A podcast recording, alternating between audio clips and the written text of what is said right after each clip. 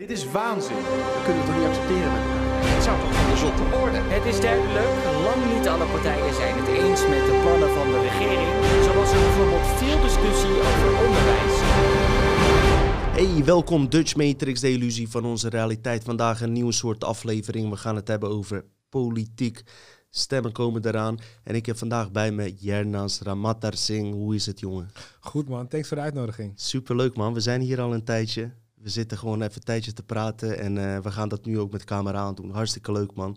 Ersan is er ook bij, man. Hey Dino. Hoe is het, man? Ja, lekker, lekker. Ja, gaat alles lekker? Ja, ik heb zin in de leuke podcast dus. Hey, we gaan er wat leuks van maken. Deze man eh, is interessant omdat hij eh, ook bij de Forum zat. Kan je misschien meteen ook vertellen eh, waar mensen je van kennen, misschien van vroeger, hoe je bij Forum bent beland en dergelijke? Ga je gang, man. Ja, dus eh, ik ben Jenas Ramatar Singh. Ik ben geboren in eh, Paramaribo, Suriname in 1987.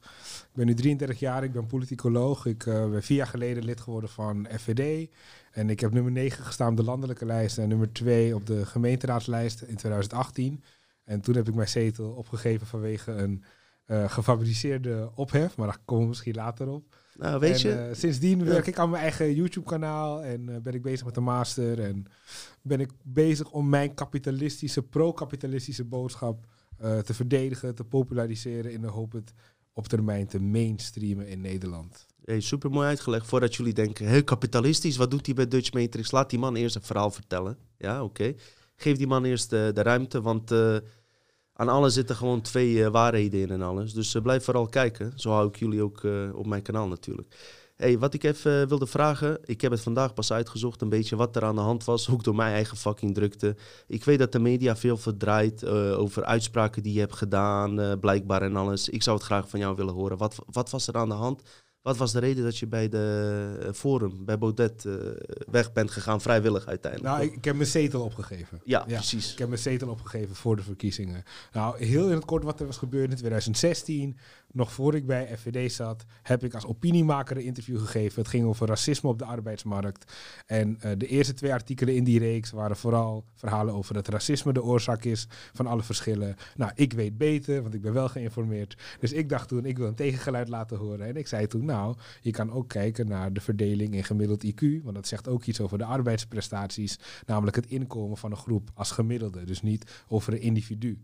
Dat is eigenlijk een hele onschuldige opmerking. Ik heb daaraan toegevoegd dat ik heel graag had gezien dat Suriname het allerhoogste IQ had ter wereld. Ik ben Surinaams, ik hou van Suriname, dus je zou zeggen heel onschuldig. Nou, Femke Halsema is erin geslaagd om ervan te maken dat een Hindoestaanse jongeman zei dat alle zwarte mensen dom zijn. Wat natuurlijk niet eens een citaat is of een poging daartoe. En helaas gingen nagenoeg alle media, uitgezonderd Tom Staal, daarin mee. En eh, ja, toen zag ik eh, dat het het beste was voor de partij dat ik die zetel niet zou innemen. Dat is eigenlijk in het kort wat er is gebeurd. Oké.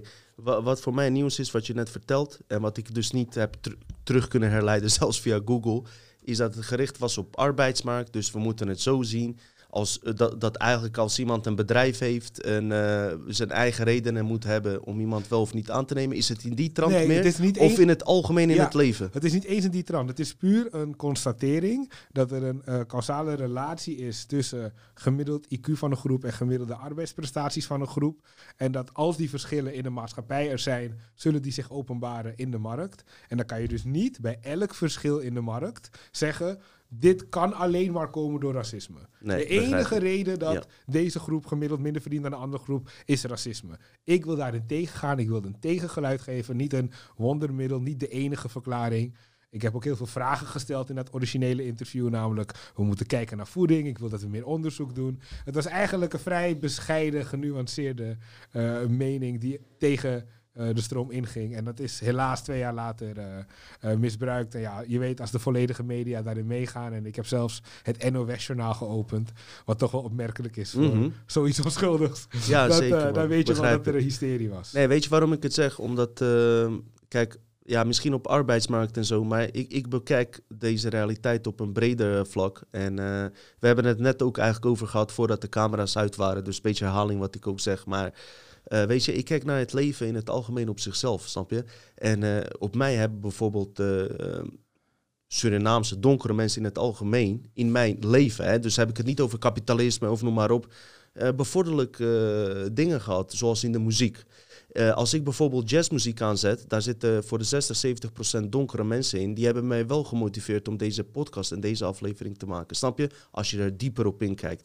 En eh, ik kan wel begrijpen als het in de media, wat jij net nu Ja, ja. heel duidelijk uitlegt, op een bepaalde manier wordt neergezet. Dat zelfs voor mij, hè, de complotonderzoeker, dat ik dacht van, hey fuck, ik wil hem wel die vraag stellen, weet je. Maar ik heb net ook met jou gezeten en eh, ik kijk ook gewoon naar gevoel hoe wij met elkaar zitten, dat jij gewoon wel oké bent. En ik, ik hoop alleen dat ook al, want we hebben ook allochtoonse en Surinaamse eh, kijkers die ik heel erg waardeer. Ik hoop dat dat ook gewoon op hun overkomt.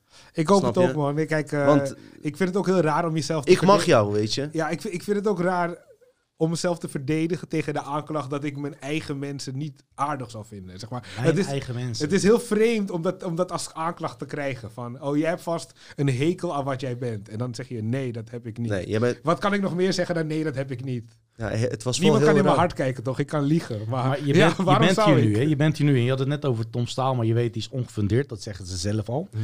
Maar wat is jouw gevoel hierover? Wat was jouw gevoel toen? Ik wil graag weten wat jouw gevoel erbij was.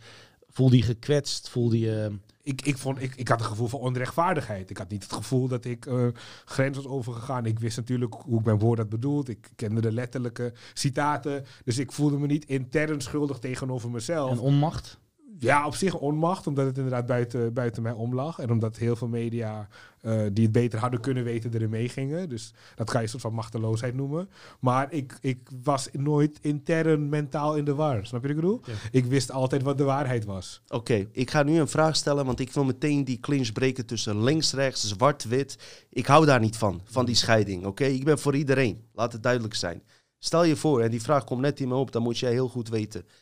Jij mag kiezen, ja? Je bent een rationeel mens misschien, of wat dan ook. Dat hoop ik. In Ja. wat voor lichaam eh, wil ik geboren worden?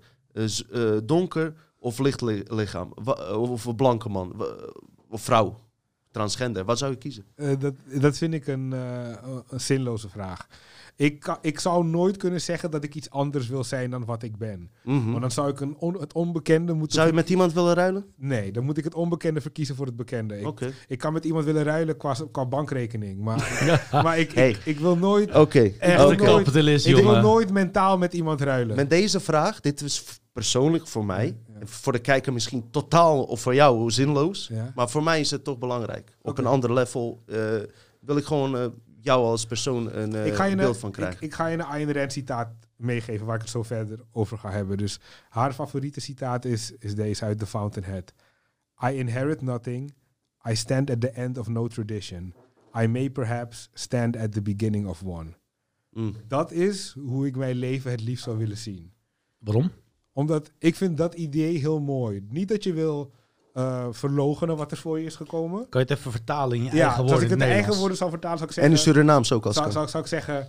Paplimento? Ik, ik, bedoel je? nee, dat is, dat is een hele andere taal. Oké, Ga maar, nee, ga maar. nee, nee. Ik Suri- ook Ik dacht dat, oké, wist niet dat Surinaams Sarana- anders was dan... eh, Saranantongo is Surinaams. ah, spreken ze op de Antillen. wat geleerd, dankjewel. Sorry, Ja. Ga maar hoor. Ja. Eh, wat, zij, wat die, het citaat eigenlijk wil zeggen is... Ik heb niks geërfd. Ik sta niet aan het einde van een traditie. Ik sta misschien aan het begin van een nieuwe. Ik vind dat ieder mens zichzelf eigenlijk zo zou moeten beschouwen als een originele creator. Wauw. Een originele fountain. Ik wil niet zeggen je moet verloochenen wat er voor je kwam. Je moet vergeten wat je ouders voor je hebben gedaan. Dat is niet het punt van dit citaat. Je mag trots op jezelf zijn. Het punt van dit citaat is... Je moet jezelf zien als, als de reden. Snap je wat ik bedoel? Een kracht van je Jij eigen bent, creatie. jij bent de reden. Jij bent de sanctie. Snap je wat ik bedoel? Mhm. Dat, Ja, dat is wat ze ermee wil aangeven van...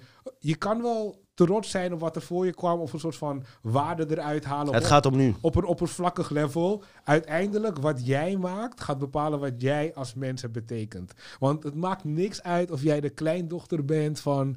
eh, prinses Diana of zo. Mhm. Aan het eind van de dag, zeg maar, de kosmische rechtvaardigheid die jij als individueel mens over jezelf kan vellen aan het eind van je leven, heeft daar niks mee te maken. Mhm. Die heeft te maken met wat jij hebt gecreëerd en welke tradition jij hebt weten neer te zetten. Wauw, ik heb eh, eh, tien filmpjes van je bekeken, maar ik heb dit nog nooit gehoord. Live in de Dutch Matrix. Zo diep Dat gaan, is man. waar, maar dit- man. Dit level, weet je, ik, de mensen op mijn kanaal... ik Lijkt wil wel of je net rode pil hebt genomen, joh. Wat is er aan? Die mensen op mijn kanaal wil ik gewoon politiek informeren. Maar dit is wel een beetje een Ayn Rand leveltje Ja. voor de, voor de echte kennis. Ersan heeft hem net rode pil gegeven. Mensen, het, eh, Ah, de camera was eh, uit. Het zou eigenlijk een verrassing zijn. Maar wie weet knip ik dit eruit en doen we het Nee, je? Nee, dat Hey, maar hey, luister, eh, Janas, eh, dit was even voor mij en voor de kijker. Prima. Waarom? Ik betrap mezelf ook nog steeds. Kijk, jij komt en ik, vis, ik kon jou toen ook, toen dat gebeurde. Maar weet je, in, in mijn leven, andermans leven, komt nieuws voorbij. Bam, bam, klaar. Ja. We hadden contact met elkaar. Ik dacht, hé, hey, luister, eh, verkiezingen komen eraan. En laten we eerlijk zijn, deze man komt wel. Nie- ik zie niemand van eh, eh, VVD, van eh, CDA, van eh Turk Turkmenistan, eh, hoe heet het? Denk, Maar deze man Denk- hoeft ook niet gekozen te worden. Hij Nee, staat ook- gaat niet om. Hij staat niet op. Oké, waarschijnlijk als jij nu nog bij FVD zat, zat je hier Precies, niet. Weet ik zeker. Weet ik wel. Zeker- Nee, weet jij ook wel. ik, jij weet zat- het, ik ja- weet het niet zeker. Jawel, jij had hier niet kom gezeten. Op, eh, Ja, gewoon eerlijk blijven. Laten we eerlijk. Maar daar gaat het niet om. Het gaat er wel om dat er ook andere mensen die niet in de politieke dingen staan, die links staan, ook hier niet zitten. Ja. Snap je? Hij heeft zeker wat hiermee te kunnen ik wil zeggen dat, dat ik het tof vind dat je er bent. En we hoeven niet over alles eens te zijn. Zeker de kijkers zijn met mij ook niet eens. En met Ersan ook niet. Het enige wat we willen is dat ieder zijn ding kan zeggen. zonder gecensureerd te worden. of later in een kwaad daglicht te worden gezet, weet je. Maar dat eerste stuk vond ik belangrijk voor mijn kijkers. Omdat ze, dat heb ik althans bij mijn kijkers, bij onze kijkers. Ze hebben recht dat, op die context. Dat ze begrijpen eh, uit jouw woorden dat te horen. Snap je? Dat je hier zit en, tot, wat dag, je daarmee tot bedoelt. de dag van vandaag wens ik nog steeds dat Suriname het allerhoogste IQ ter wereld heeft. Waarom En wens je blijf dat? ik- Waarom wens je Suriname? Waarom moet je het per se? De hele wereld niet. Nee, maar waar- waarom moet het per se IQ zijn? Je hebt toch ook emotionele eh, eh, hartsintelligentie? En volgens mij zijn Surinamers daar fucking goed in hoor. Ik voel me onwijs relaxed bij een Surinamer. Met, als ik met Rutte chill, die waarschijnlijk wel een hoog IQ heeft, vind ik geen reet aan. Als ik met een paar Surinamers zit, denk ik van, wow, dit is hartstikke gezellig. Kijk, hem is goed dansen zo. Hop, hop. Ja, maar hij, zit nu is bij de. Forum van Democratie en hij wenst Suriname alles. En ik denk, het is een beetje tegenstrijdig, denk ik, of misschien niet. En Natuurlijk kan je alles wensen, maar ik ben geen nationalist. Zowel niet voor Nederlands of wat dan ook, of dergelijke. Erdogan? Ik, ik ben geen nationalist. Ik, ik, ik hou van de mensheid zelf. En eh ik houdt gewoon gezegd, van mensen. ik, ik, ik beoordeel niet iemand wat zijn afkomst is, maar wat zijn daden zijn. maar Maar, impliceer, waarom? impliceer dat een nationalist mensen wel beoordeelt op waar ze vandaan komen? Per se? Je hebt imperialisme en je hebt nationalisme. Oké. En eh, Hitler was bijvoorbeeld een nationalist volgens mij, denk ik. Eh, Hij is aardig imperialistisch. NSADP, eh, Hij was de nationalistische, sociale, Ik democratische arbeidspartij. Maar goed, ik, Ja. ik, eh, sta ik los van. Maar waarom wens je Suriname alles? Laat ik het zo Nee, zeggen. kijk, ik gebruikte Suriname natuurlijk in dat interview als een voorbeeldcasus. Ik had natuurlijk ook Turkije of whatever kunnen zeggen, maar ik denk, weet je wat? nou, wens ik, Turkije dan? Ik, ik, ik, Nee. ik kies lekker iets wat dichtbij ligt, zodat het dan... Ik, dat dacht ik minder gezeik zou opleveren. Dus vandaar dat ik toen Suriname koos, maar dat had ik helemaal Ja, ja. ingeschat. We- weet je Zo, wat- je ja. moet het meer in de symbolische Maar, zin maar bro, weet je wat het is? Ik eh, eh, kijk met Joegoslaven bijvoorbeeld heel erg uit. Want ze zijn schietgraag, hè? Volgens statistieken. Eh, wat ik zeg, nee, joh, grapje. Maar aan de ene kant kan je wel zeggen, omdat je zelf donker Surinamer bent, dat je meer vrijheid hebt om te zeggen. Aan de andere kant ben je ook toch onbewust, dat is een programma, ook verantwoordelijk voor wat je daarvoor zegt. Maar goed, weet je, als jij achter jouw ding staat, ik hoef niet met alles eens te zijn. hey, eh, ik ben met deze man ook niet met alles eens. Het gaat erom dat wij hier zitten en dat wij hier eh, nu al anderhalf uur hier zitten voor de camera aanstaan en dat wij gewoon relaxed met elkaar zitten. Daar gaat het uiteindelijk om. We hoeven, hoeven niet alles eens te zijn. Wat mijn... Maar wat ik wil Ja. zeggen, sorry dat ik je onderbreek. Geen probleem. Ik, eh, jij, jij hebt eh, kapitalisme gestudeerd en jij benadert, zeg maar, eh, of tenminste politicologie zei je, maar je bent met die kapitalistische eh, theorie bezig die je straks gaat vertellen. Dus je mo- moet ook wel de tijd geven om even naar hem te luisteren. Maar dat is alleen gebaseerd op dat economie en alles, weet je wel. Maar ik, ik bekijk het leven in het algemeen. Je zou Nee, het is ook op moraliteit gebaseerd. ja, maar in mijn vrije tijd, net, net wat ik zeg, in het algemeen chill ik gewoon liever met iemand met wie ik kan lachen. En in het algemeen zijn dat gewoon mensen, eh, eh, ja, in mijn omgeving eh, buitenlanders, Surinamers, Turken, maar ook Nederlanders van een bepaalde klasse, om dat zo te zeggen, omdat wij uit dezelfde wijken kwamen. En dat komt door mijn programma's, omdat ik me met hun weer, weet je wel, Zij maken mij gelukkig in mijn leven. Oh, en ik is- kijk niet ja. naar eh, de EQ, weet je. Dat nee, wil maar ik zeggen. Ik, ik zeg ook helemaal niet dat wij als mensen andere mensen individueel op hun IQ moeten baseren. Ik zeg puur en alleen, als een groep gemiddeld hoger scoort, zullen ze meer geld verdienen. Dat is Precies. het enige. En dat heb Dat je nu uitgelegd, ja. wat de media dus niet goed heeft het gehad. Want jij hebt het over de... oh, ja, het precies. gaat daar helemaal niet Oké, en ik hoop Ja. dat dat duidelijk is, alsjeblieft, voordat de reacties bullshit komen en alles. De man heeft uitgelegd wat hij bedoelt. Jij weet hoe ik erover denk. Ersan heeft weer een hele derde idee die ergens al achter staat. Nu gaan we over eh, serieuze shit hebben. let's Erna- go. Ersan, eh, kom maar op, man. Ik, kom maar ik op. We hebben hier een gast. En ik denk dat hij voor een bepaalde Eh, ja, hij is niet zomaar gekomen. Wat, wat heeft jou geïntegreerd om naar Dutch Matrix te komen? Ja. Nu is je kans. Ik werd, ik werd getipt over jullie kanaal. Getipt. Ja, door, eh, door een geweldige rapper, die we misschien zo nog even kunnen draaien. En in ieder Oh, geval, jou, hij zei mij... Oh, wij, wij Kunnen we zijn fan draaien? van draaien. hij zei, check Eh, dit ik kanaal. vind alleen dat te veel rappers, maar jij, jij, Ja. jij, talk. Hij, hij, tipt, hij tipt mij voor jullie kanaal. Ik bekijk het. Ik zie hoeveel bizar veel views jullie halen. En ook dat het hele lange content is. Dat valt op in het Nederlands eh, veld. Hè, met zoveel ik, ik weet ik, ik vergelijk niks. eh, dus oh, ik vergelijk wel graag. Dus ik zag dat. En, eh, Wit, zwart en zo, je weet Mijn is groter. en, en het interessante is dat... eh, Zien we straks wel als camera's hij Oké, zegt. maar Nee, hoor, wacht, grapje. Hey, laat die man sorry. praten, man. Kom. En wat we dus zien is dat jullie hebben wel een publiek dat bereid is om veel tijd te investeren. eh, om die video's te Dus bekijken. jij wil zeggen dat ons publiek intelligent is? Ik weet niet helemaal ik of vind dat, van wel. dat het punt is. Kritisch, ja, Ze zijn in ieder geval kritisch op de overheid. En ze zijn in ieder geval bereid om tijd te investeren om dat te onderzoeken. Klopt. Nou, dat zijn twee dingen waarvan ik denk, ik hoop dat die mensen misschien geïnteresseerd zijn in wat ik te zeggen heb. En dat die misschien denken, nou, ik kan mijn tijd besteden aan nog een complottheorie. Of ik kan misschien even Ayn Rand's eh, boek lezen en kijken hoe zij naar kapitalisme kijkt. En wie weet, vinden die mensen wel een stukje waarheid. Jij hebt het vaak over de waarheid. Dat is Ja. voor mij ook heel belangrijk. En ik denk echt dat die filosofie die ik nu in handen heb, het is bijna alsof ik goud in handen heb. Kan Het je is wat over zo die... waar. Ja. eh, zij heeft jou geïnspireerd. Kan je wat over haar vertellen? en dus- hoe je daarbij bent gekomen? Ja. Een beetje hele levenslijn Ik ga erin. jullie een kleine context Globaal geven. beetje. Ik ga luisteren. Ja. Dus deze vrouw, Ayn Rand, is geboren, geboren Annalisa Rosenbaum, eh, Roods, eh, Joods-Russisch, in 1905. Begin jaar, in de begin twintig jaren na de revolutie is ze gevlucht uit Rusland, naar Amerika gekomen. Ze heeft toneelstukken geschreven, aantal boeken. Ze heeft in totaal 30 miljoen exemplaren verkocht en werd een filosofe. Ze heeft toen een filosofie gesticht, opgericht. En ze zei, mijn filosofie noem ik het objectivisme.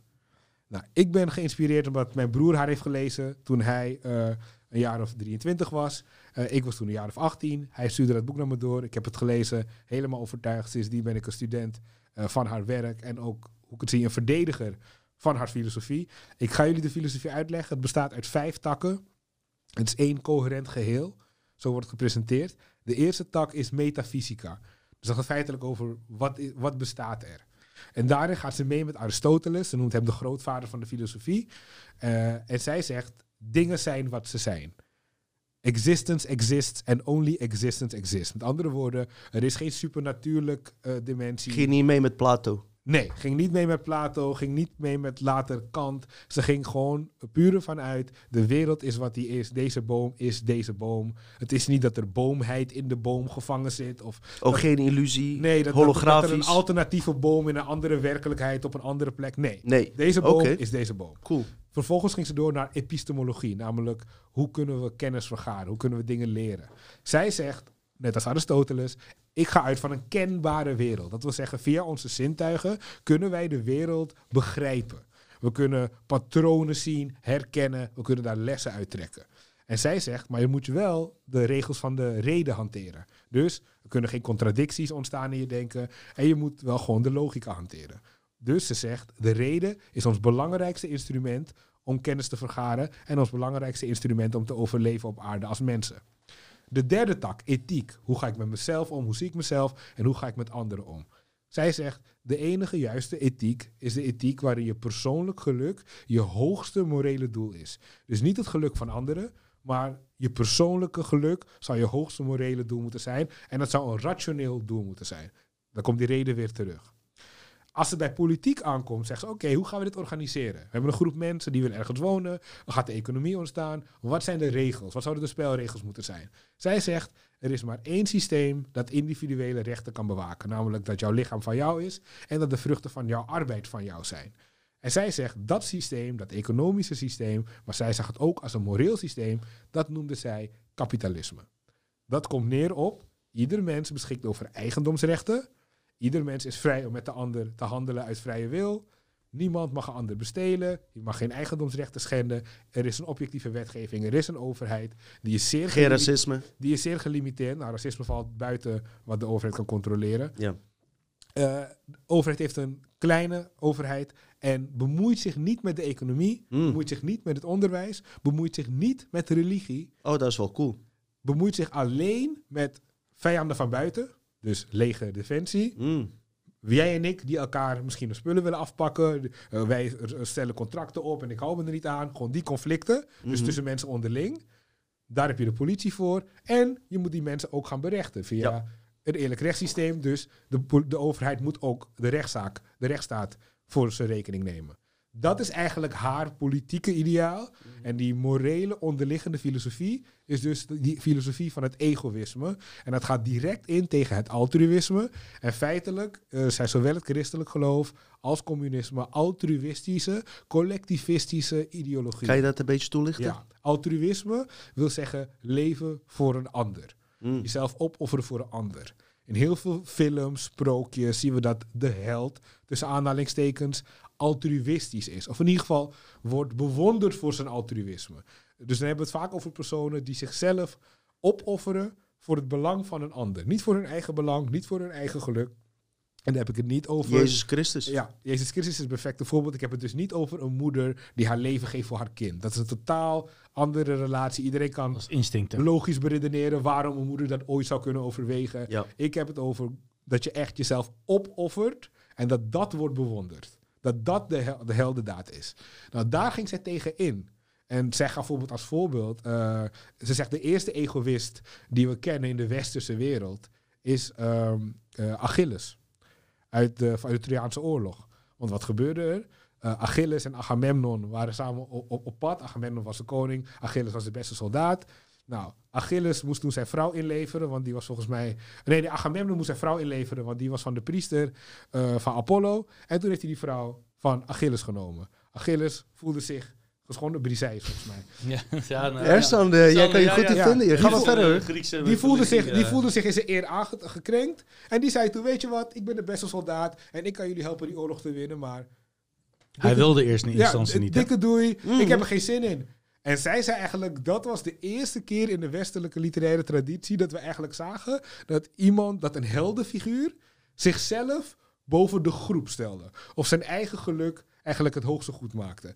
Dus zij zou dus Achilles beschouwen in die zin als een anti-held of als een echte held. En een ander voorbeeld dat ik kan geven is Batman. Maar er zit wel egoïsme in Achilles. Want Ja, je dat is kent prachtig. Achilles, hè? Je weet de, Dat is prachtig. de methodiek van Achilles. Hij is in drakenbloed gedoopt door zijn vader. Wat? hij- Drakenbloed? Hij is in drakenbloed gedoopt. Doen we voor een andere aflevering. Maar vertel maar verder, ja. sorry. Even heel, heel wel- kort. Maar dat is wel opvallend, gedoopt. dat drakenbloed weer Maar is. ja, hij moest natuurlijk ergens vastgehouden worden. Dus waar kon hij vastgehouden worden? Dat was sinds Achilleshiel. En vandaar dat je het ook Achilleshiel noemt. Space. Eh, Achillespees, Achilleshiel, ach- ach- ja. Eh, dat stukje. Maar hij is toen een keuze gegeven door een, een wijze tovenaar of, of, of, een, of een heks of een, of een wizard, hoe het noemt. Van, je kan terug naar je vrouw en je kan daar een prachtig gezin op, opbouwen en dan word je vergeten. Of je gaat oorlog in en je gaat st- strijden voor Griekenland. Ehm, maar dan word je altijd eh, herkend en altijd kom je voor in geschiedenisboeken. En hij heeft gekozen voor de egoïsme. Ja, dat is de juiste keuze. Kan jij wat over die eh, Batman eh, Ja, vertellen? dus Ja, Mensen, ja. we gaan snel. Maar ik Deze denk- man is eh, snel, ja. dus we doen het gewoon. Dus even als we van Achilles Hij heeft, hij heeft zijn pitch goed voorbereid. Als we van Ja. Achilles naar Batman gaan, eh, dat is nog een voorbeeld van, van Hollywood die eigenlijk een hele altruïstische boodschap verkondigt. Maar in zijn geval zie je dat het doel van Batman is rechtvaardigheid. En dat is eigenlijk eh, niet een altruïstisch doel. Dat is iets wat voor iedereen goed is. Mm. En wat ook interessant is, vooral in The Dark Knight, waar je de invloed van Christopher Nolan... Die, Hollywood onmaskerd, joh. die, ja, die een kunnen we aanhanger... zo weer uitnodigen. Ja. Ik, ik, ga niet zeggen, ik ga niet zeggen een aanhanger, maar hij is in ieder geval geïnspireerd door Je bent fan van de Joker, jij niet hè? Nee, Ik ben fan niet. van Christopher Nolan, wel. geweldige films. Oké, En wat je- Momento, eh, sorry. En wat je daar dus eigenlijk ziet in die, in die Dark Knight trilogy, is dat hij in alle drie de delen eigenlijk ja, een, een collectivistische ideologie bestrijdt. Dus in deel 1, als het over Ra's al Ghul gaat, daar bestrijdt hij eigenlijk de environmentalist. Dus de groene gekkies, de bomenknuffelaars. Mhm. Die zeggen van, oh, society is eh, te veel toxic en te veel pollution. We moeten een nieuwe maatschappij creëren. Hippies. Die in, in contact staat met De moeder maatschappij aarde. die nu is, is eigenlijk verziekt. Ja. is een kwel. Ja, Ze Dat is Ja. typisch eh, Partij voor de Dierenpraat. Net zoals Rome. Rome is ook gebrand. Ja, En in deel 2 heb je natuurlijk de Joker. Nou, de Joker representeert het nihilisme. Dus destructie omwille van destructie. Niet Mhm. omwille van iets iets groters of iets beters. Weet je, en dat is gewoon inderdaad dat geld verbranden. Het kan Ja, niet- hij accepteert het systeem niet omdat hij de banken niet vertrouwt. En ik kan me met Joker best wel vinden, eerlijk gezegd. En in deel 3 zien we dus Bane. En Bane staat eigenlijk meer voor wat we nu zien. Egalitarisme. Iedereen moet gelijk zijn. De strijd tegen de zogenaamde ongelijkheid. Is dat een soort mouw? Of, eh, Ja, eigenlijk wel. En het, het meest interessante scène is misschien ook als, eh, als die ene bankier tegen hem zegt van... Oh, but I paid you money. En hij Mm, reageert oh ja, dan mooi maar- stuk. En dan reageert hij met... Do you think that gives you power over me? Met andere woorden, in deze wereld telt geld niet meer. Alleen brute force Mhm. telt. De massa telt. En je ziet ook dat als Batman terugkomt, hij tegen hem zegt... Did you come here to die? Dat is een typische superhelden narratief. meer, Did you come here today? En Batman zegt Ja. tegen hem... No, I came to defeat you. Ja, En dat is eigenlijk het egoïstische van... Ik ben niet gekomen om me op te offeren. ja. Ik kan, ik kan doodgaan. Ik kan me riskeren, maar ik ben gekomen om jou af te maken. Maar dit is wel specifiek in de Christopher Nolan? Dat, klopt. We Ja. hebben die Batman Begins, hebben we net ook over gehad, eh, is dat, eh, dat daaruit te herleiden is dat Batman zelf uit een elite familie komt met bepaalde eh, ideologie. Eh, hij loopt het trauma op, zijn ouders worden eh, vermoord als het ware. En vervolgens begint hij zijn zoektocht in Tibet, waarbij hij in een geheime occulte groep wordt aangenomen. En in die occulte groep, dat eh, zal je zien, wordt hem geleerd hoe die mind control moet uitvoeren tegenover andere mensen. Dat vind ik Nou, die heb ik nog niet gezien. Maar dat is ook dus, dus Hollywood Unmasked. Maar Kijk je maar naar onze eh, Maar podcast. Wat is jouw mee? Ik, ik- er zit vast een verhaal achter. Wa- waarom doet Christopher Nolan dit? Oh, nee, ik denk gewoon dat hij... Dat Omdat hij geld kreeg. Dat hij gewoon geïnspireerd is en dat hij soms dingen, elementen van HID gebruikt. Ook in Interstellar kan je een paar referenties misschien zien naar wat ze bedoelden. Dus ik denk niet dat er per se ja, iets diepers achter zit. Ik bedoel, Hm. de man heeft zijn inspiratie Hij heeft geen Iron Rand eh Draaien. Deze, of deze is ook te verkrijgen Wist trouwens. jij dat Batman eigenlijk afstamt van een eh, oude Maya-afbeeldingen? Van me- eh, mensen die half kat, half mens waren. Daar komt het, komt het Nee, deze, hier was ik ook niet mee. Vleermuizen en zo. Nou ja. Maar om het Welkom even... bij Dutch Matrix. Om, Ja. e- om even het filosofieverhaal af te maken. Dus ze zegt Ja. politiek moet kapitalistisch zijn. Nou, de vijfde tak, eh, dat is eh, aesthetics, esthetiek.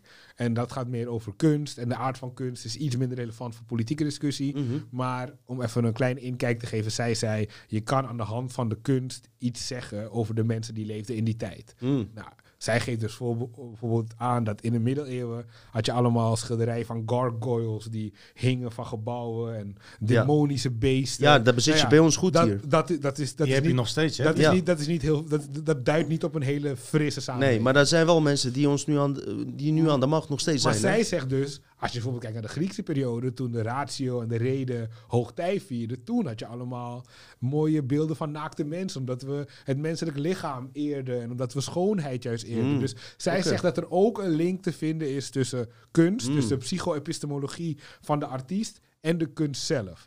Ja, verklaar dat die kathedralen, dat je al die duivelse dingen in Vaticaan ziet en dergelijke. Terwijl je in de, Grieks, in de, oh, aan de Griekse kant van achter, zeg maar, er toch andere dingen ziet. Ja, het is niet mijn vakgebied, maar ik Nee, weet mij zeker ook niet, hoor. dat Mij er hier niet. ergens een link te En vinden ze is. noemen ja. het ook bewust middeleeuwse tijden. Dus eh, ja. Met kunstgeschiedenis. Maar eh, dat is eigenlijk in, in kort de filosofie. Dus is egoïstisch. tegenstrijd tussen, zeg maar, sorry dat ik je onderbreek, Ja? tussen eh, eh, dingen die we nu om ons heen zien, zijn gewoon heel duister. Heel veel gebouwen hebben inderdaad die duistere. Ik weet precies wat je bedoelt. Beetje satanische eh, afbeeldingen. Is hij iemand die daar tegen strijdt dan of zo? Of een andere Nou, ik denk dat zij, zij zou zeggen, dit zegt iets over de psycho-epistemologie van, Diegene die het gebouwd heeft. van de kunstenaar. En of degene die de kunstenaar de opdracht heeft gegeven dit te maken. Want weet je waar ik Ja. me in kan vinden? Ik ben niet, hebben we net ook over gehad, per se met alles met je eens. Maar waar ik me wel in kan vinden, is dat als je naar een kerk gaat, in plaats van dat het gewoon gezellig en leuk hoort te zijn, je zit eh, Jezus aan een kruis hangen. Je zit allemaal demonische figuren in een kerk waar het gewoon eigenlijk gezellig hoort te zijn. Maar angst. angst. Misschien heeft het even niks hiermee te maken, maar misschien ook wel, wel, weet je wel. Want je gaat naar de kerk en eh, ja, om je beter te voelen. Maar je zit daar Jezus hangen. Maar, maar ik, zie Of dat een je, pastoor ik, die, ik zie dat je naar de renaissance kijkt. Zij zou bijvoorbeeld, Ah, je. zij zou dus bijvoorbeeld zeggen dat de renaissance is een hele goede... Niet maar een laptop kijken en meer. de, Ja, de eh, renaissance eh, is die een porno hele, niet zetten over die is, porno. Hè? is een hele goede eh, indicatie van wat zij bedoelde over kunst. Namelijk, wat zag je? Mensen begonnen schoonheid weer te herwaarderen. Oh, ja. Maar je bent En niet dat- hier gekomen om zelf te interviewen, toch? En dat ging gelijk op. en dat ging gelijk op met een vrijer en een Ja. industriële revolutie die erop volgde. Ik- en meer kapitalisme. Ik begrijp jouw verhaal ook. En eh, wat ik ook begrijp is dat iemand die zijn best doet, wat ook logisch is, als iemand een arts is, Ik weet ook onge- ongeveer waar je heen wil. Want bijvoorbeeld in de communistische tijd, weet ik alles van... had je bijvoorbeeld artsen in Rusland die keihard geleerd hadden... en gewoon stront verdienden. Ja, die gingen dan naar Amerika, weet je wel. Ehm, in dit systeem is het zo van... joh, als je je best doet, heb je alle mogelijkheden die er zijn, toch? En we hebben het net over gehad, voor mensen die er niks aan kunnen doen... eh, hoe worden die geholpen? Kan je dat nog een keer even zeggen? Wat, wat voor mensen die geen talent hebben, die gewoon goede mensen zijn, maar ze zijn gewoon slecht in alles. Of gewoon een IQ, een laag IQ, dus Ja. onder de 80. Wat doen we waar met ze niks aan kunnen doen. Kijk, in elke samenleving eh, zal je mensen hebben die eh, onderaan bungelen, op een of andere reden. Mhm. Of het nou door eigen schuld is of niet. En in onze samenleving pretenderen we dat er zekerheden zijn. Namelijk, je gaat niet dakloos zijn in Nederland, wat niet waar is, want we hebben daklozen. die je gaat zelf niet- bewust voor Je kiezen. gaat niet arm worden in Nee. Nederland. Nou, er zijn arme mensen in Nederland. Dus met andere woorden, we hebben hier een valse zekerheid. Mhm. En wat ik eigenlijk zeg is, ik ga je geen zekerheid geven. Nee. Want kapitalisme bestaat bij de vrije wil en vrije interactie. Dus ik kan niet tegen je liegen en zeggen dat iedereen zal worden verzorgd. Ik kan wel zeggen dat als er mensen zijn die die mensen willen helpen, kapitalisme het best in staat gaat stellen die mensen te helpen. Omdat we technologische vooruitgang zullen boeken, meer welvaart zullen hebben, meer koopkracht, minder belastingen betalen en betere producten zullen hebben. Oké. Dus ik geef geen garanties. Nee, dat, dat is goed. Het heeft te maken met de staat van een cultuur. Je weet ik. Ik vind het pittig. Via Amerika dan wat? Als kapitalistisch Het, voorbeeld? eh, Amerika heeft sommige staten die kapitalistisch zijn, zoals Texas, waar het op heel veel gebieden beter gaat. Ze hebben andere staten die meer democrat zijn, waar er veel meer geweld neem, is. Dus, neem, neem, neem Oregon bijvoorbeeld, waar eh, alle grote high-tech bedrijven zitten. ja. Die, daar zit een verschil, waar Google en zo, de campus en, de, eh, en Apple en zo zit. Daar zitten, daar zitten campussen in waarvan echt mensen van de, zeg maar, de klasse van junkies ja. Tot aan de, de hoogste mensen die het meeste verdienen en die het meeste baat hebben in deze society. Wat vind je daarvan? Die, zitten, die zitten bij elkaar in een wat? Nou, die, die, die mensen, om naar hun kantoorpand te lopen, lopen door verschillende pleinen oh, heen. zo, ja, ja. Waar ook junkies zitten, waar ook mensen hebben, kansloze armen, die, eh, die ja, ook echt wel slachtoffer zijn van, van de kapitalisme, waardoor ze alles verliezen. Mensen Hmm. kunnen daar niet naar de, naar de dokter, mensen kunnen daar geen opleiding volgen. Mensen, ja, nou, ja, ga Nee, nee, nee, nee, nee, zie nee, nee, eh, maar wat je nu aanstipt, eh, is eerder een moreel verval.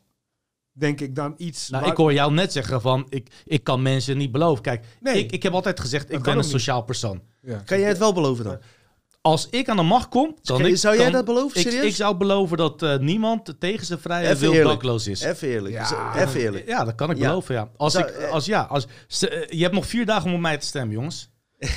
Ja, Oké, Ersan, Maar- jij, jij maar- bent maar- mijn huisvriend hier, maar ik ben hier niet met je eens. Ook niet met hem per se, maar Oh, wat jij ik, wil, zegt... ik wil hier heel even op ingaan. Ik vind het interessant. Dus ik geef je net eh, een rits van argumentaties.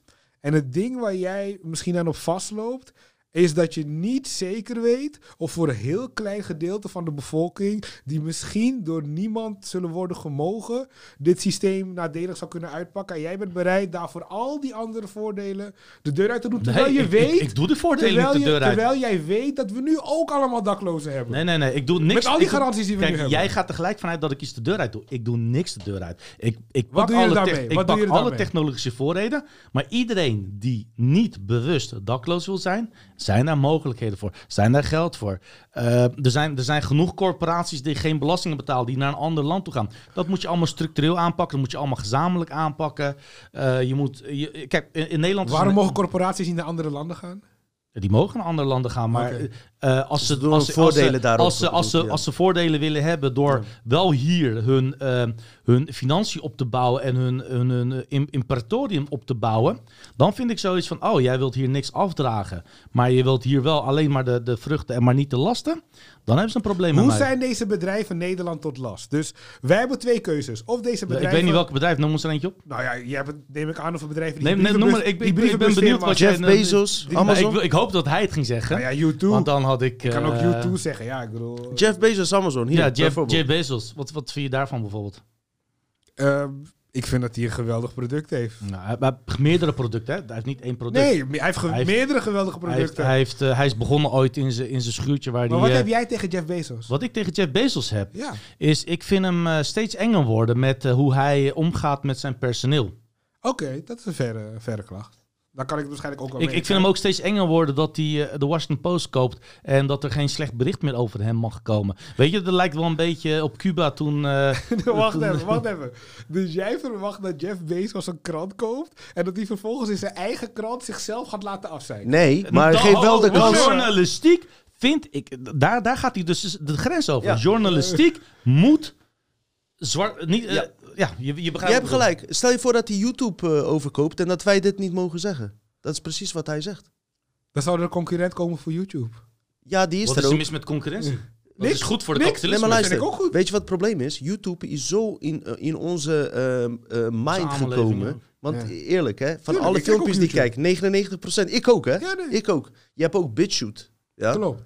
Nou, en hoe meer maatregelen YouTube gaat nemen, hoe groter BitChute gaat worden. Maar eh, YouTube werkt wel met eh, bepaalde formules die jou soort van eh, aan hun gehecht la- laten raken. Dat is die mind control die daarachter zit. Ik geef je een voorbeeld. Lange Frans. Ja. Eén voorbeeld. We hebben Lange Frans. Dat is de held van de complotwereld. Top gedaan. Half miljoen kijkers. Dat is fucking veel. Zeker, zeker. Dat is echt, zelfs in de complotwereld, internationaal, van David Icke, is dat gewoon een niveau. Level, bam. Hij en Jeanette Ossenbaard. Hij zit op BitChute. Ik heb niet gekeken, maar eh, het zal aanzienlijk minder zijn. Ja, nee, Misschien dat ben ik met je eens. 10.000, weet ik veel. Dus het zegt wel wat. Waarom? We zijn geprogrammeerd om naar die fucking YouTube te kijken, inclusief ikzelf. En dat geldt precies voor die Washington Post. Die bestaat al zo lang. Als jij dat middel overneemt, heb je eigenlijk een heel gedachtenveld onder controle. Dus in dat eh, Luister. opzicht ben ik het eens. 1-1. We zijn een keer eens. Jeff, Jeff. Bezos heeft wel... Iedereen weet dat hij die krant heeft. Dus, Ik, ja. ben, ik ben het met jullie eens dat het niet 100% hey, die box is zuiver- trouwens om. Hè? Ik zeg, ik zeg, dus, niet, eh, ik zeg dus niet dat, eh, dat dit 100% journalistiek zuiver is. Ik zeg gewoon dat ik niet verwacht dat als een man een krant opkoopt, dat hij in diezelfde krant afgezet. That's all. Gewoon, dat Je, je zou bent niet... nu bij de Dutch Matrix. We hebben Dat het nu net al niet gedaan. Hè? Je, bent nu, zijn. je bent nu bij de Dutch Matrix. Je bent in een Dutch Matrix podcast. Ja? Eh, je hebt zelf ook je eigen podcast. Wil je daar nog wat kort over YouTube zeggen? show, ja, hiernaast online. Daar praat ik over politiek, gesprekken met politici, Mainstream. En het is het enige Nederlandse kanaal. Oh nee, sorry. Er is, zijn, er is nog één ander kanaal van een vriend van mij, Philonomics. Maar wij zijn de twee kanalen in Nederland die pro-kapitalistisch zijn. Mm. En die dus niet meegaan in Maar- het gehuil van links. Mag ik even... Ja. Ja, kan dat? Of... Ja, nee, nee, nee. Als je iets is- wil zeggen- Nee, dat Oké. Weet, ik, weet je wat ik tof vind? Ik heb je YouTube-kanaal bekeken. Ten eerste, eh, wat ik tof vind, dat jij graag in discussie gaat. Ja? Je zit hier met ons. We zijn niet met alles eens, met heel veel dingen wel. Je gaat wel in discussie. Vind ik dapper, vind ik super tof. Ik heb op je kanaal gekeken. En wat ik mooi vind om te zien, is dat er een, gesprek is tussen bijvoorbeeld jou dan en iemand uit de linkse partij, een jongen of zo. Dat jullie het over onderwerpen hebben. Dat mis ik in het algemeen. Want waar de politici vooral mee bezig zijn, is hun eigen verhaal en snel weg. Zowel links als rechts, wat mij betreft. Baudet vind ik daar wel iets breder in. Die durft wel dat ding in te gaan. Maar dat vind ik eh, tof dat je dat doet. Want jij durft wel je, je standpunt te verdedigen. Snap Ja, je? dat is je komt ook hier en je doet gewoon je ding hier. Ondanks dat ik er niet mee eens ben. Je legt het wel een soort van ook goed uit, weet je. Dus- Dat heeft jou wat- gevaarlijk gemaakt voor de politiek in Nederland, denk ik. Wat ik probeer te doen, ik probeer gewoon een beetje die diepte in te gaan. En zeker in gesprek gaat het makkelijker dan als je alleen tegen een camera praat. Dat weet je Mhm. als, eh, als geen ander. En ja, ik probeer in ieder geval content te maken die anderen niet maken. Dus weet je, als ik een conversatie heb met iemand, ga ik vragen over kapitalisme stellen. Ik weet, niemand anders gaat die vraag stellen. Ja. Niemand in de journalistiek praat over kapitalisme. Geen enkele politicus gebruikt het woord kapitalisme in een positieve zin. Kapitalisme wordt op zijn allerbest gezien als een noodzakelijk kwaad. Maar wordt in Mhm. heel veel gevallen behandeld als een soort van duivelsysteem. Of Ik weet eh, het. het communisme is op papier goed en al die nonsens. Nee, ik ben hier die strijder tegen socialisme en voor kapitalisme. Dat is net zoals wat je net Winston Churchill zei over democratie, geloof ik. Democratie is eh, de slechtste eh, mogelijkheid, maar tot nu toe de beste wat we kunnen ja, hebben, dat geloof vind ik dus totaal onterecht wat over kapitalisme zegt. Kapitalisme heeft niemand kwaad gedaan. De wereld is erop vooruit gegaan. Zelfs de meest Dat vind jij, dit is jouw mening. Dit landen is jouw... in India en China, zelfs die verschrikkelijke landen, India minder dan China, die landen hebben zelfs onder dictaturen nog door een beetje kapitalisme een derde of de helft van hun bevolking uit de armoede weten te krijgen. Niks is sterker dan dat. Ja, dat is ook weer zoiets. Dat is, dat is niet door kapitalisme, doordat het, eh, dat ze meer mensen ging gunnen, dat meer mensen open werden. Dat, is, dat heeft echt niet alleen maar met kapitalisme Maar- te maken. Maar buiten dat, Tom, hè, ehm, het idee, op zich begrijp ik het idee wel. Ik ben het niet 100% mee eens, maar ik begrijp het idee wel. Ik begrijp de logica daarachter. Ik begrijp dat. Ik vind dat niet totaal vreemd. Als we nu even vanaf onze kant komen en ehm, waar wij het constant over hebben, is dat er een relatief klein groepje, statistisch gezien, eh, minder dan 1% en zijn er nog minder, hebben gewoon een totale macht over wie er überhaupt in de politiek komt. Want jij hebt het erover van en waar wij ook mee eens zijn van kapitalisme, maar dat de politiek zich niet mee mag bemoeien. Nee. En het probleem eh, waar dit clinch met mijn gedachten en wellicht ook met die van hem, of met kijkers maakt ook verder niet uit, is dat dit zodanig aan elkaar gelinkt is, is dat de politiek niet kiest.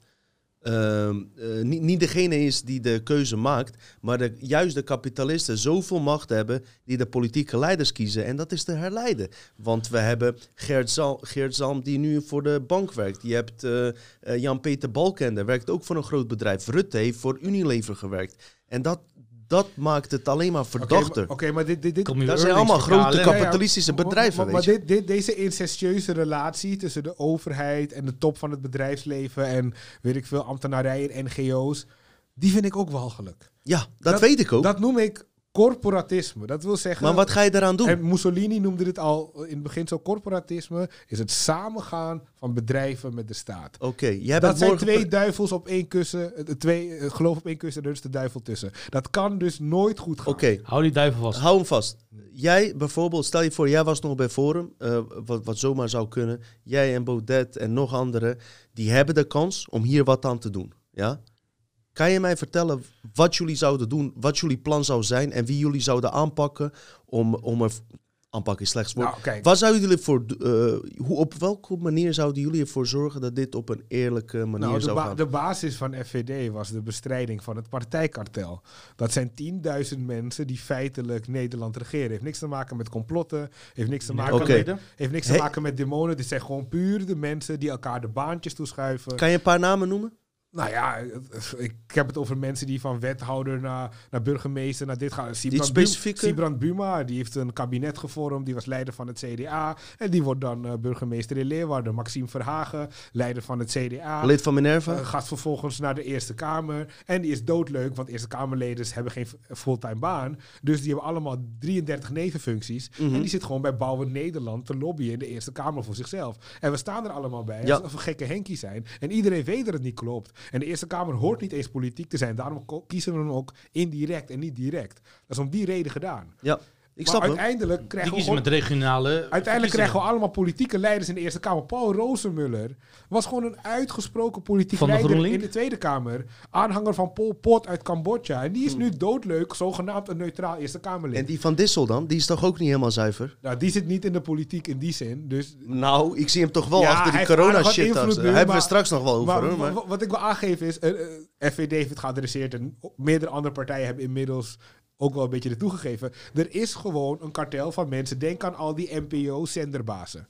Heel veel van die NPO-zenderbazen, die zijn daarvoor. Oh, was een VVD-minister. Mhm. Oh, die zat dit. En dan heb je het over, eh, oh, hij heeft de bezuinigingen voor de publieke omroep gedaan. En daarna werd hij netwerkmanager van die omroep. Heel toevallig. Heel toevallig. Dingen waarvan we- ah, iedereen met een klein beetje gezond verstand ziet meteen: dit is foute boel, dit is niet in de haak. En dit zijn zijn salarissen van 1 ton, 2 ton. Dit zijn niet mensen die voor 5000 euro. En, en wat voor de Zuid reet, eh, Nou met ja, alle ze zijn respect. de zenderbaas van een of andere NTR. Ja. Nou ja, het zal wel. Ja. Maar allemaal dat soort overheidsbaantjes. Kijk, daar ben ik tegen. Dat is, het, dat is het, het ka- partijkartel wat we moeten bestrijden. Maar dat kunnen we oplossen door de overheid los te weken van de economie. Want wat ik niet met je eens ben is... Jij omschrijft de relatie alsof bedrijven de overheid aansturen. Ja. Oh, Maar- zeker wel. maar Lobbyisten. Ik, maar ik zie hem andersom.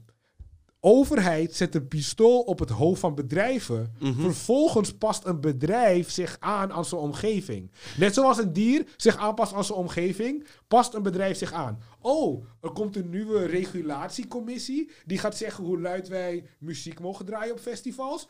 Oké, dan huur ik nu een, een, een lobbyist Ja, in die gaat zeggen dat de decibellen omhoog moeten.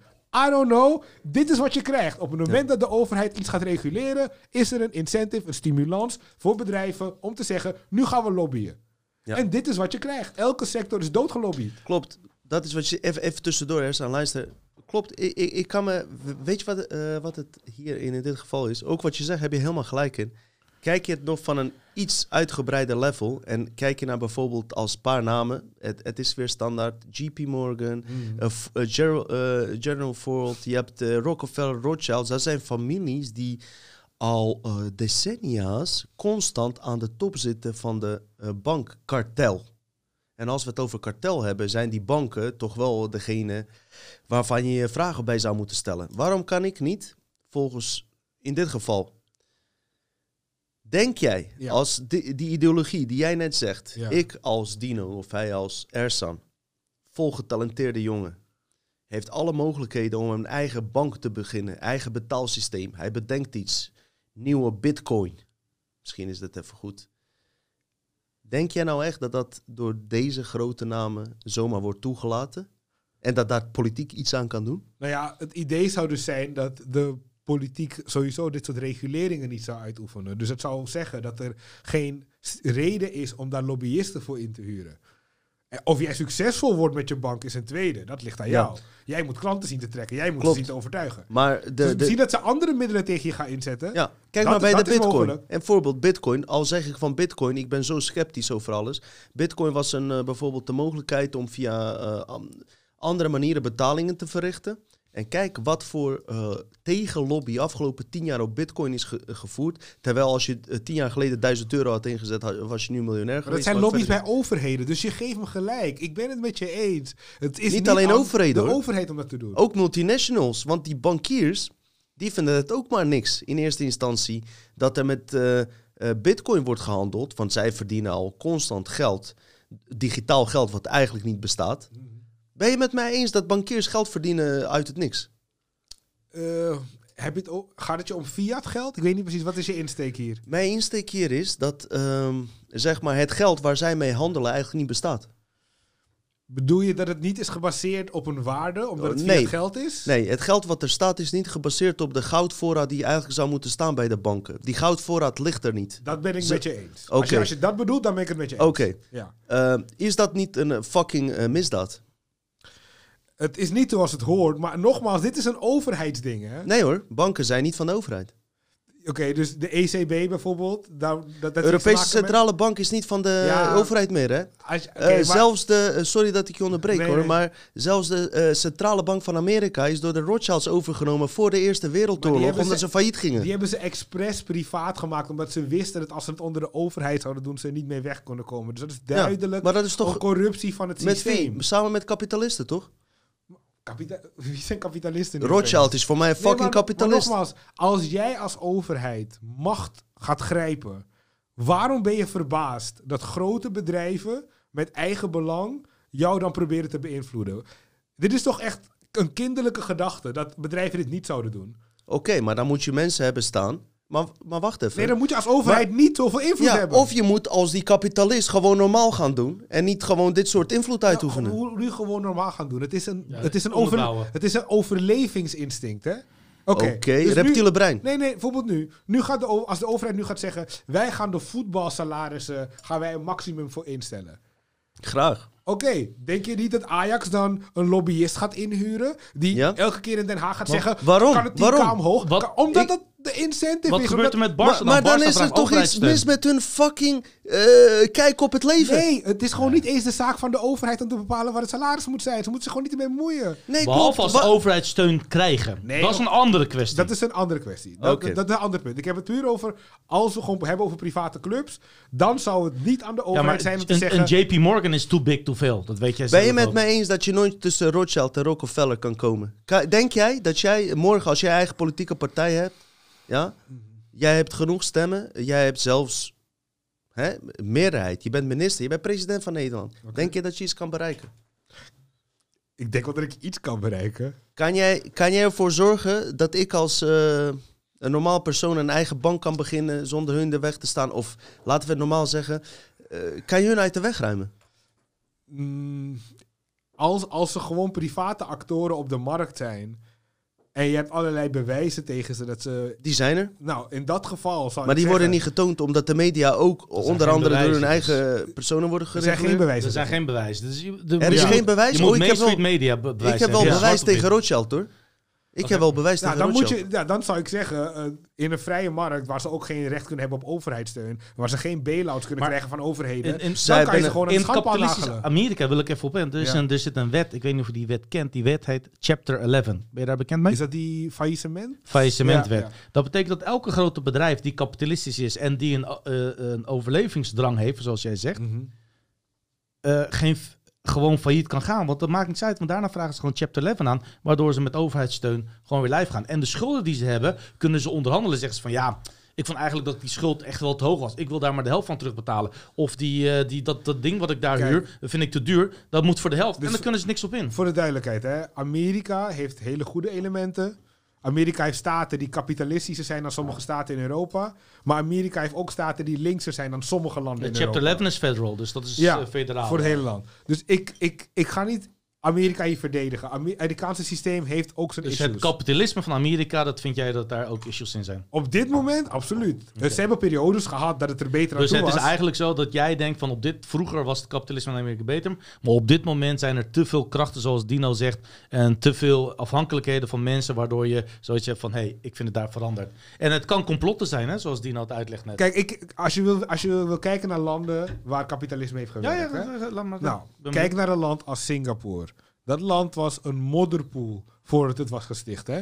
En het heeft, omdat het heeft gezegd, iedereen die vrij is en onderdrukt is en vrij wil zijn, kom naar ons toe. Heel veel Chinezen zijn naar toe gekomen. En feitelijk, de, de Het is stichter... geen land, hè. Ik ben er geweest. nee, Het is gewoon de een stichter, stad. De, de Brit, eh, Sir Thomas Raffles, die Singapore heeft gesticht. Eigenlijk heeft hij gewoon een beetje de Amerikaanse grond. Dat is eigenlijk van het grote Britse rijk, vind ik. Hij heeft het gewoon gekopieerd en er stond feitelijk... iedere mens kan hier naartoe komen, je mag vrij handelen... Maar je hebt geen recht op een is- verzorgingsstaat. Dat is appels en, kijk peren, wat er is gebeurd met In Singapore landje. ben je verplicht om je eigen pensioen meteen op te sparen. Vergis je niet. Mag ik even algemeen erin tuurlijk. komen? Ja. Dat we gewoon even voor de kijker ook een algemene beeld hebben. Ja. Denk jij dat een politieke partij invloed kan uitoefenen op de eh wereldregie? Ik denk dat zeker in Nederland die invloed wel beperkt is. Maar ik denk wel dat een politieke partij een uitstekende manier kan zijn om een idee te populariseren. maar om het te bewerkstelligen? Uiteindelijk zou je daarvoor nog meer draagvlak moeten creëren. En Trump dat heeft, heel wel. Trump heeft bijvoorbeeld, vind ik al voor heel eh, groot deel beter gedaan dan zijn voorgangers bijvoorbeeld. eens. Alleen datgene waar wij als complotdenkers hadden op gehoopt, op eh, heel veel arrestaties. Ik wil dan meteen in bepaalde huizen gaan inbreken en die shit overnemen. Helaas zijn ze niet opgepakt, want Demming heeft een mooi huis. Eh, Trump maar- is in vier jaar best ver gekomen met ja, sommige dingen. ja hey, luister, ik ben niet volledig eh, met alles eens, maar Nee. ik ben in principe, eh, ik had hem liever nog aan de macht eh, willen hebben. Dat wil ik Ja. je even eh, alleen zeggen, want Joe Biden eh, is net aan de macht, die heeft fucking oorlog met eh, Iran alweer. Maar goed, maar heb je niet, vind je het niet vreemd dat een, eh, want, want we hebben het nu even, even een discussie over eh, kapitalisten, daar zie ik ook bijvoorbeeld Facebook en Twitter, zie ik ook als kapitalisten. Is dat goed? Nou ja, In het algemeen, Het oké. zijn, het zijn actoren in het kapitalisme. Is het absoluut. niet bizar dat fucking Trump van Facebook of Twitter wordt eh, verwijderd? Wat betekent dit? En dit is meteen even een punt waar wij in komen. Ondanks dat wij goed hier met elkaar zitten, is van hé, hey, ze kregen toch wel verdomd veel macht. Want hoe kan jij als Twitter zijnde Trump gaan eh, Ik ga het je, censureren? Ik, ik, ik ga het je uitleggen. Die macht die ze hebben, die geven wij ze. Elke dag dat we dit account gebruiken, elke tweet die we sturen, zeggen wij, legitimeren wij Twitter. Dus in principe ligt het in onze hand. Iedereen die morgen, kan morgen stoppen met tweeten. Ja, maar hun en dan is het bedrijf Begrijp 0 ik. Ik euro vind, ik vind het echt heel mooi uitgelegd. Dat vind ik Ja, dus Ja, dit is, ja, dat is ja, zo. nee, nee, Klopt, dit is vrije wil. Waarom heeft het, het, het twi- Twitter Trump geschorst? Heel simpel, omdat hij heeft verloren. Als Trump had gewonnen, hadden ze hem nooit voor, geschorst. voor zijn verlies. Nee, nee, nee, nee. nee. Wacht Hij- even, hij- man. Nee, nee, nee. Voordat Biden was geïnaugureerd. Maar hij had al verloren. Ze hebben hem begin januari pas eraf gekikt. Ze hebben hem niet Oh. eraf gekikt in eh, september of oktober. Want Weet de je dat verkiezingen, de verkiezingen waren 4 Oké, november. jij zal het beter Toen weten. was hij nog op Vol- Twitter. volgens mij Oké. zat hij al op Twitter toen de verkiezingen nog gaande was. Maar was hij het zo aan het polariseren. Na de verkiezingen, inderdaad. voor, de, po- voor de verkiezingen. Nou, het, het, was, het was nog geen duidelijke eindstand.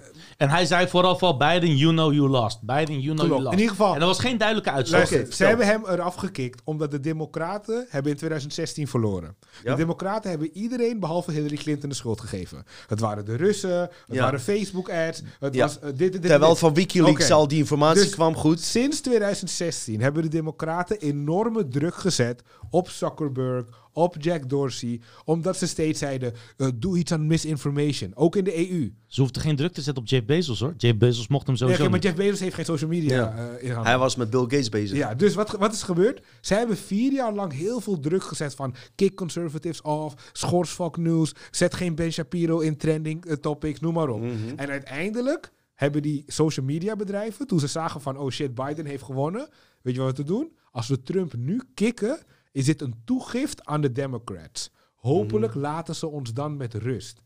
Wie met rust? Twitter. Ons. Twitter wil niet dat de democraten zich met hun Maar bemoeien. wacht eens even. Waarom zou Mark Zuckerberg Hey, willen dat Nancy is Pelosi... Luister, Zuckerberg. luister, geen- Facebook. Wie de fuck is Mark Zuckerberg? Het is gewoon een Ja, het is gast een hele machtige met man, een- toch? een machtige man, maar serieus.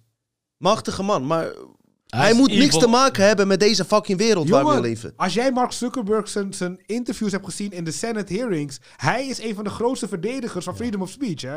Mark Zuckerberg is een van de laatste die politieke, die politieke ads heeft geband. Dorsey was eerder met politieke ads bannen. Zuckerberg zei, ik wil geen leugens uit politieke campagne eh, dingen halen, want het is aan mensen zelf om het in te schatten. Dus Ja. ik draai... Ben je met hem eens, wou je Nee. zeggen? Tuurlijk ben ik dat met hem eens. Ik vind Ben- ook niet ben dat Mark jij met Zuckerberg... Hij is eens met die stelling, Ja. dus niet met elkaar. eh, even Dus wat, ik zeg, eh, dus wat ik zeg is, Mark Zuckerberg wil het liefst met rust worden gelaten.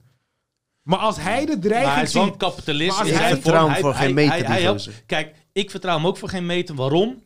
Eh, het product is zo omgezet dat de mensen die het gebruiken is zelf het product. Eén, voor, één voorbeeld, ja. Mark Zuckerberg, ja.